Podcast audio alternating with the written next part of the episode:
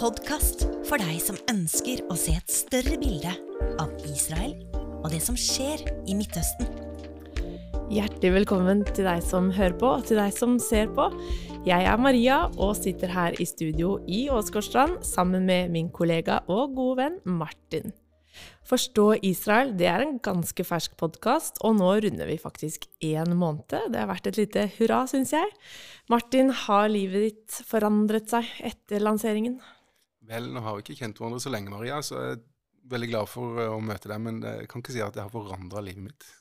Ja, men Ikke pga. meg, men pga. podkasten og Ja, nei, det har heller ikke forandra livet mitt. Ok. Nei, her om dagen så var jeg i en bursdag og møtte noen hyggelige nye mennesker. Og da, vet du, da er det alltid Man snakker om hva man jobber med, hvem man er og sånne ting. Og så spurte noen meg hva jeg holder på med, og jeg sa at jeg jobber i en kristen organisasjon. Og det er selvfølgelig all right. Og så sa jeg at vi, en, eller vi har lansert en podkast.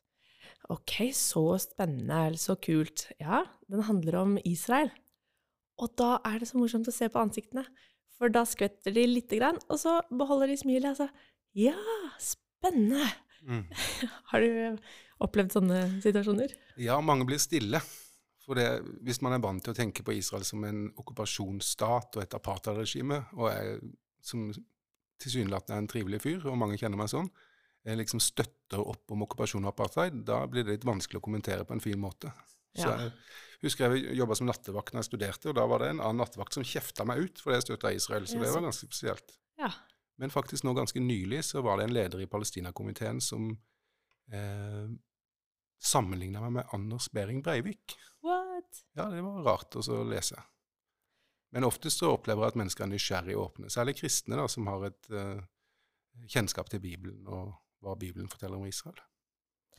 Israel og Midtøsten, det er jo et kontroversielt tema.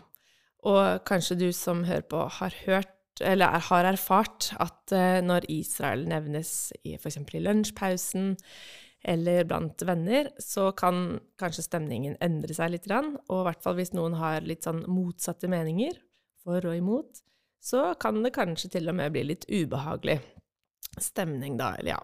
Men eh, du og jeg, Martin, vi er jo godt bevandret i kristne kretser. Og blant kristne så er det også uenigheter når det kommer til Israel. Det er så klart politiske uenigheter, men det er også teologiske uenigheter. Ja, alle er jo enige, alle vet at det er en konflikt, eh, og ingen ønsker at det skal være en konflikt. Det er ingen som ønsker at noen skal lide. Jeg tror ingen kristne mennesker er sånn at de heier på den ene eller andre parten fordi at de er onde eller har onde hensikter. Mm. Men man ser altså eh, konflikten helt, med helt ulike øyne. Eh, og man viser begge grupper viser til både folkerett og menneskerettigheter. Eh, og bruker også Bibelen da, finner tekster som bekrefter ens posisjon. I dag så er tema erstatningsteologi, og hva konsekvensene av denne teologiske læren fører til. Ja, hva mener kristne som offentlig går ut og ikke støtter Israel? Ja, kristne som offentlig går ut og ikke støtter Israel, de eh, forfekter erstatningsteologien. Og Den ble oppfunnet av kirkefedrene, som ellers eh, står for veldig, som er veldig mye fint, som vi kjenner til. Men kirkefedrene de lærte det at eh, Gud hadde forkasta jødene fordi jødene hadde forkasta Messias. Og På det grunnlaget så de ble det innført lover i det romerske riket som forfulgte jødene og massakrerte dem helt inn til vår tid. Og Martin Luther han uh, videreførte den tradisjonen, og når nazistene utvikla sitt jødeutryddelsesprogram, så henviste de både til kirkefedrene og Martin Luthers teologi. Så det her er grunnlaget for hvorfor kristne fremdeles tror på erstatningsteologien. For eksempel så sto det i norske grunnloven av 1814 at jøder ikke fikk lov å sette sine bein i Norge. Så det ble ikke oppheva før på slutten av 1800-tallet. Det var i Grunnloven, ja. Det var i Grunnloven. Så når mm. kristne eh, offentlig går ut og kritiserer og er motstandere av Israel, så er det fordi at de tror på erstatningsteologien. Den norske kirke og biskopene de går jo tydelig ut og gir sin støtte til palestinerne. Hva er det de mener, og hva er det de står opp for? Nei, de står jo på denne erstatningsteologien, da. Så når vi kristne, eh, andre kristne, evangeliske kristne kan man kalle oss kanskje, eh, støtter Israel, så gjør vi det fordi at vi tror at eh, Gud er trofast, og at Guds ord løfter oss fast. Men erstatningsteologene de tror at jødefolkets hjemvendelse og gjenopprettelsen av Israel med Jerusalem som hovedstad ikke har noen ting med Bibelen eller Gud eller profetien å gjøre. De tolker det som politiske beslutninger. Og da er avstanden kort hvis du er tilhører på venstresida i politikken, til å bli med i anklagene om okkupasjon, og apartheid osv. Ja, for eh, ok, de støtter det politiske, men eh, teologisk er jo også ganske viktig, og denne erstatningsteologien som du da sier, den fikk virkelig gjennomslagskraft. Eh, veldig tidlig, egentlig, etter eh, Jesu tid her på jorda, så begynte jo tanken om at fordi jødene har forkastet Jesus, så har Gud forkastet, forkastet dem. Og at eh, når eh, jødene har avvist Jesus, så begynte da de kristne å avvise jødene. Det, hvordan kunne det bli så sterkt? Og, ja. Nei, det kan jeg nesten ikke svare på. Jeg tror, mm. eh, jeg tror, det er vanskelig å svare på hvorfor. Men eh, fakta er det at de leser Bibelen med de brillene. Så de har allerede bestemt seg, de har en forforståelse når de leser Bibelen. Eh, og det er at Gud er ferdig med Israel. Så alt som Bibelen skriver, uansett hva det er, det er med å underbygge det. For det her med de brillene, og hvordan man leser Skriften, det er jo helt vesentlig. Kjempe, kjempeviktig. Mm. Eh, er det sånn at da f.eks. biskopene i Norske kirke, eh, når de leser nå, kan, nå, er jo ikke vi de, så vi må jo bare snakke om det vi har på en måte oppfattet, hva de har uttrykt. Mm. Når de leser profetiske tekster, som vi her i podkasten leser og refererer til på Instagram og sånne ting, eh, er det sånn at de leser det som da åndelige bilder, og ikke bokstavelig? Eller vi leser det så forskjellig, da? Ja, i den tradisjonen som de hører hjemme i, altså Menighetsfakultetet f.eks., og alle biskopene i Norske kirke, så mener man det at eh, de gamle testamentlige løftene ikke har noen gyldighet hvis ikke de bekreftes helt konkret i Det nye testamentet. Eh, så, så, det gjør at eh, det som har med Israel å gjøre, det er ikke lenger aktuelt, fordi at eh, man antar at Det nye testamentet ikke snakker om det. Så overser de faktisk òg at Nytestamentet snakker om det i mange sammenhenger. Men det passer ikke inn i den forforståelsen man allerede har gjort seg opp. Nei, det er gjort seg opp en mening, og så finner man bevis, og plukker man litt her og litt der, da? eller? Ja. Men eh, når du leser eh, Bibelen, Martin, hvilke briller bruker du da? Nei, eh, jeg bruker Bibelens egne briller. Jeg liker iallfall å tro det. Så får det være opp til noen andre å bedømme det. Men jeg tror at når Bibelen sier at Gud har inngått en evig pakt med Abraham, så tror jeg at den er evig. Når Bibelen sier med all mulig tydelighet mange ganger at Gud skal hente jødene hjem fra alle verdens nasjoner, Altså ikke bare fra Babylon eller fra områdene i Midtøsten, men òg fra de nasjonene som f.eks. Amerika, som eh, ble oppdaga Columbus 2000 år etter at de her profetiene ble utsagt. Han skal se, hente de fra alle nasjonene, og i den forbindelse skal alle nasjonene samle seg mot dem. Så tror jeg at alle jødene kommer til å vende tilbake fra alle nasjonene, og at alle nasjonene kommer til å vende seg mot, mot dem. Så jeg tror at de brillene som jeg har på, er Bibelens egne briller. De forforståelsene jeg tar med meg, det er Bibelens egne ord og Bibelens egen hermeneutikk. Alle tror vel at man har rett, på en måte, og ingen liker å bli lurt. Så jeg tenker at eh, når vi snakker om dette her også, så er det jo viktig for enhver å prøve det og teste det om det holder. For eh, Bibelen, hvis det er Guds ord, hvis det er sannhet, da tåler det å bli studert. Eh, det tåler å få kastet ordentlig lys på seg. Så det er veldig viktig um, ja, å prøve kildene. Ja, jeg tror vi trenger en debatt omkring det her i Norge. Jeg skulle i hvert fall ønske at det ble det. En bred kristen teologisk debatt om hva vi mener og hvorfor. Mm. Det er ingen som har vondt av det, og det burde være et godt klima for det. Jeg har snakket litt med menighetsledere, pastorer, og de eh, syns det er litt krevende de, å undervise om Israel i menighetene. Eh, litt fordi at det kan bli litt sånn ubehagelighet fordi folk i menigheten har ulike politiske meninger.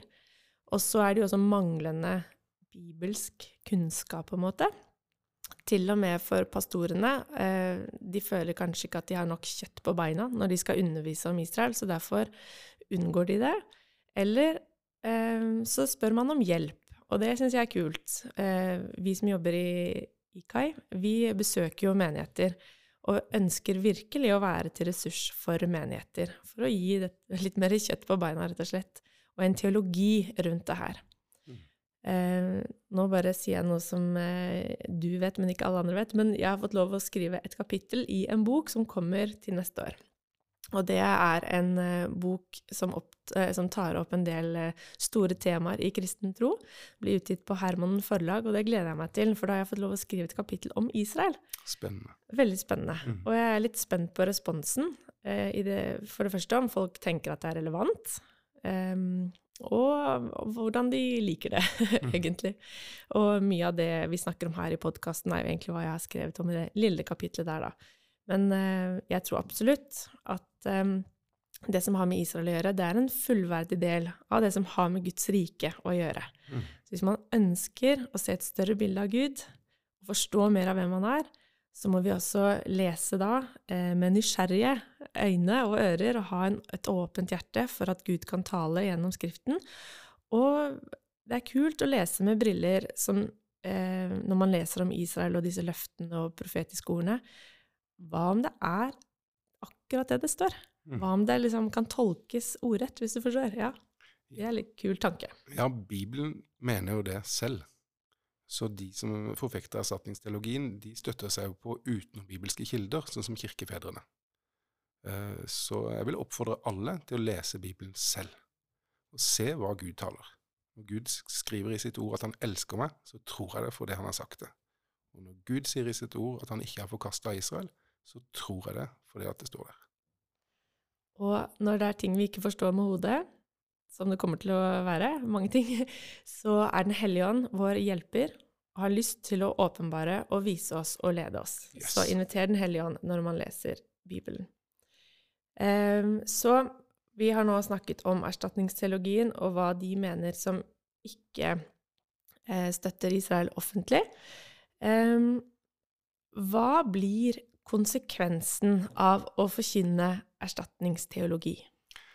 Konsekvensen blir det at uh, jødefolket er de eneste som er forkasta av Gud. For alle oss andre så står døra åpen, og Gud er villig til å ta oss imot og tilgi oss og gi oss del i løftenes velsignelser dersom vi omvender oss og kommer til tro. Men erstatningsteologien holder for sant at til tross for om hele jødefolket skulle omvende seg og rope på Gud og ta imot evangeliet, så vil de aldri få tilbake landet sitt, fordi løftene er annullert. Og det er blodig urettferdig og det bryter med selve Guds karakter. Sånn som vi var inne på tidligere i forhold til lignelsen om den bortkomne sønn. Så får han farsarven og reiser bort og ødsler den bort. Men så står det at han kommer til seg selv, og når han er på hjemvei, så ser han faren. Og faren kommer han løpende i møte og omfavner han og kysser gutten sin, og gutten får del i den velsignelsen som han en gang ga fra seg. Og jeg har opplevd det i mitt liv. Som ung kristen gutt så ga jeg Jesus fra meg, og jeg valgte en annen vei, men jeg fikk lov å komme tilbake. Og så fikk jeg oppleve en far som ikke hadde forandra seg. Og Det er et grunnleggende trekk for Gud. Og hvis vi tar det bort fra jødene, så står vi i fare for å ta det vekk fra andre grupper og andre mennesker, og det syns jeg ikke vi skal gjøre. Noe av det som uh, har blitt veldig levende for meg personlig, det er å lese i Det nye testamentet over hvor uh, ordrett og hvor tydelig eh, det, Israel har en plass i Guds rike. Mm. Og jeg har lyst til å bare lese noen bibelvers, rett og slett, fra Romerbrevet. Og da er det særlig kapittel 9, 10 og 11, hvor eh, apostelen Paulus skriver eh, om Israel, om deres rolle i Guds frelsesplan. Og eh, anbefaler å lese dette her også på egen hånd, men først Romerbrevet 9, kapittel 9, fra 3 til 5 og jeg kunne ønske at jeg selv var forbannet bort fra Kristus for mine brødres skyld, mine landsmenn etter kjøttet, som er israelitter. Dem tilhører barnekåret, herligheten, paktene, lovgivningen, gudstjenesten og løftene. Også fedrene tilhører dem, og fra dem er Kristus kommet etter kjøttet, han som er over alle, den evige velsignede Gud. Amen. Så er det Romerbrevet 10, fra vers 12. For det er ingen forskjell på jøde og greker, for han er den samme Herre over alle. Han er rik nok for alle som kaller på ham. For hver den som påkaller Herrens navn, skal bli frelst. Romerbrevet 11 Jeg spør da, har Gud forkastet sitt folk? På ingen måte. Jeg er jo også en israelitt av, Abrahams slekt, av Benjamins stamme. Gud har ikke forkastet sitt folk, som han tidligere har vedkjent seg. Dette er apostelen Paulus som sier. Fra vers 7. Hva da? Israel har ikke oppnådd det som det søker etter, men de utvalgte har oppnådd det, og de andre ble forblindet, slik som det står skrevet. Gud har gitt dem en sløvhetens ånd, øyne så de ikke skulle se, og ører så de ikke skulle høre, helt til denne dag. Det siste versene er fra vers 25. Brødre, jeg vil si dere en hemmelighet, så dere ikke skal ha for store tanker om deres egen forstand. En del av Israel er blitt forherdet, inntil folkeslagene er kommet inn i fullt tall. På denne måten skal hele Israel bli frelst, slik det står skrevet. Det var noen saftige bibelvers fra Det nye testamentet, Romerbrevet kapittel 9, 10 og 11. Vi har en Instagram-konto, og der har vi fått et spørsmål fra en av våre følgere. Og det lyder som følgende. Martin, er du klar? Yes. Hvorfor tror ikke jødene på Jesus? Eh, det er ikke helt sant. For, eh, for det første så var jo alle de første som trodde på Jesus, jøder. Og apostlene var jøder. Og i vår tid så foregår det faktisk en historisk og helt sensasjonell vekkelse blant jøder både i og utenfor Israel. Det har aldri før vært så mange jøder som kommer til tro på Jesus. Men mange jøder tok jo ikke imot Jesus, og tar ham heller ikke imot, og det er sant. Og Bibelen har et svar på det. Sånn som du leste i de, de eh, versene fra Romerbrevet 90 og 11, så snakker de veldig tydelig om at Gud har forherda en del av Israel. Og at den forherdelsen vil vedvare inntil folkeslagene har kommet inn i fullt tall, som det heter. Og, også da skal hele Israel bli frelst. Så det er noe Paulus kaller for et mysterium. At uh, Gud rett og slett har forherda en del av jødene, så de ikke skal se og høre og forstå evangeliet. Uh, og at den tilstanden vil vedvare for en del av Israel, inntil på en måte oppdraget om å forkynne evangeliet for folkeslagene er fullført, og folkeslagene har kommet inn i fullt tall. Ja, det er et mysterium, men det, det står skrevet. Det står skrevet. Eh, vi jobber for Internasjonale kristne ambassade Jerusalem, og vi har eksistert i eh, litt over 40 år.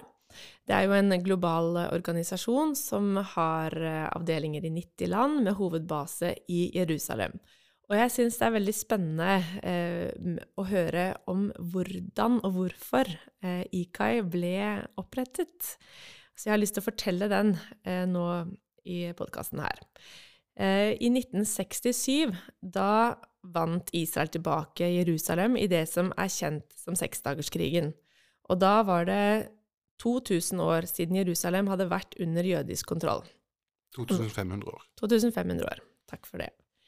Eh, men så hopper vi litt fram, for i juli 1980 eh, da innførte israelerne en lov som de da kalte Jerusalem Law. Og den sa at eh, Jerusalem er Israels evige og udelelige hovedstad.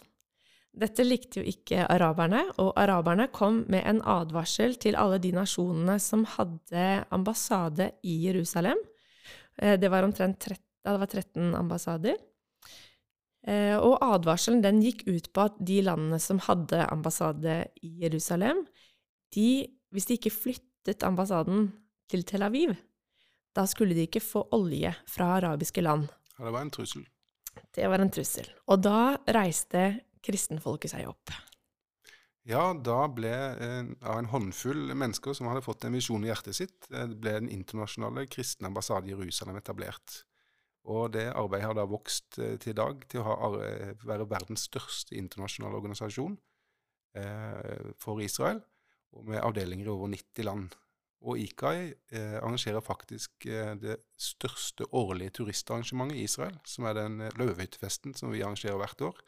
Og da kommer eh, kristne fra over 100 nasjoner og støtter Israel og synger om Jesus i Jerusalem og ellers i landet. Så det er en fantastisk begivenhet.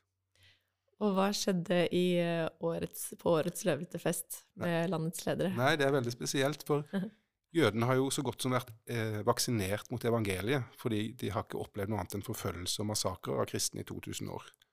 Eh, så de har fått et eh, bilde av kristne og, og, og kristne lærer som noe som er veldig antijødisk. Eh, men det her er i ferd med å endre seg ved sånne type Eh, ting som eh, opprettelsen av IKAI og den løvehyttefesten. Så i år, for første gang, så eh, tok israelske ledere oss velkommen. Både presidenten og statsministeren og forsvarsministeren, turistministeren og utenriksministeren sendte egne videohilsener der de bokstavelig talt takka for kjærligheten fra kristne. Takka for støtten, og, for at, og, og, takka for hvordan det var med å holde de oppe i troen og håpet Eh, på en bedre fremtid med fred eh, med araberne og palestinerne. Så det var veldig sterkt. Så den innsatsen IKA gjør, den utgjør en forskjell. Det var litt om Internasjonale kristne ambassade i Jerusalem.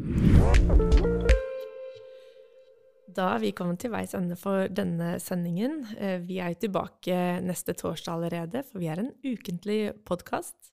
Forstå Israel er på Instagram under kontoen Forstå Israel. Og der kan du følge oss og sende inn spørsmål og kommentarer, og vi tar gjerne opp spørsmålene her i våre episoder. Så håper jeg at du liker det du hører her, og forstår noe mer om Israel og Midtøsten, og del det gjerne videre med de du tenker kunne hatt glede av å høre denne podkasten. Ha en veldig fin dag, og takk for at du følger oss.